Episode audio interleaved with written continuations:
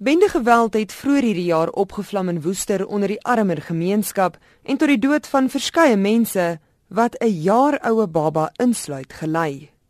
Die bende aktiwiteite word toegeskryf aan kinders wat die skool verlaat of bloot net wegbly van die skool af. Die provinsiale departement van gemeenskapsveiligheid sal nou geld beskikbaar stel vir jeugprogramme. Minister Dan Plato sê die polisie kan nie op sy eie bendes beveg nie. Ek dink ons kerkgemeenskap voel baie keer uitgesluit uit regeringsprosesse uit. Hulle verteenwoordig honderde mense in 'n gemeenskap. Baie kerke ehm um, trek op 'n Sondag tot en met 7 tot 800 mense. Mense wat ons nie altyd as regering bereik nie.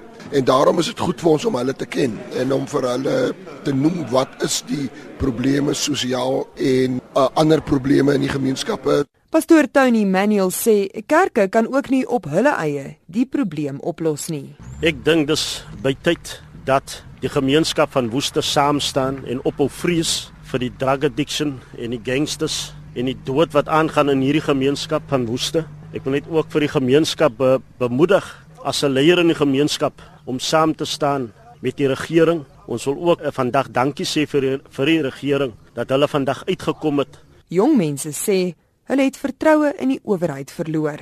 We're not safe at all, not safe at all because we witness all this stuff and we are not even allowed to go to town because even our elder people, like, and for instance, they're not even hiding it anymore, they do it legally. So we report it to the police, then they arrest the people two days later, then they are out again free. Plato sê sy departement sal die vordering van die jeugprogramme monitor. Die verslag deur Mlamli Maneli En ek is Henry Wondergem vir SAK nuus.